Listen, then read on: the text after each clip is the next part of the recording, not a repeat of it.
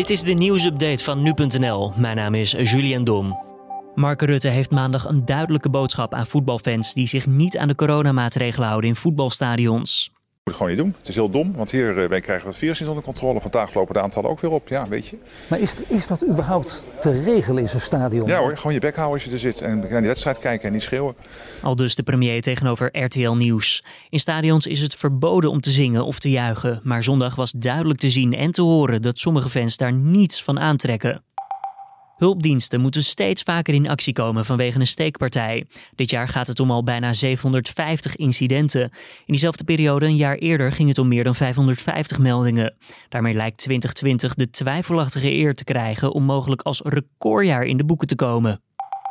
Een Nederlandse die in Zuid-Frankrijk op vakantie was, heeft knokkelkoorts opgelopen door een steek van de Aziatische tijgermug.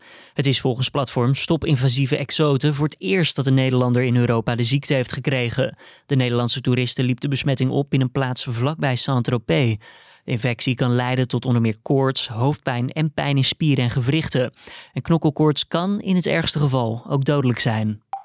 Bij de politie in Eindhoven kwam zondag een lugubere melding binnen. Een wandelaar zou een lichaam verpakt in een laken hebben gevonden. Na onderzoek bleek het gaan om een pop, al dus agenten op Instagram. Wel werd in eerste instantie rekening gehouden met meerdere scenario's, waaronder dat van een ernstig misdrijf. Het is niet duidelijk wie de pop heeft achtergelaten, maar mogelijk was het een item van een spookspeurtocht.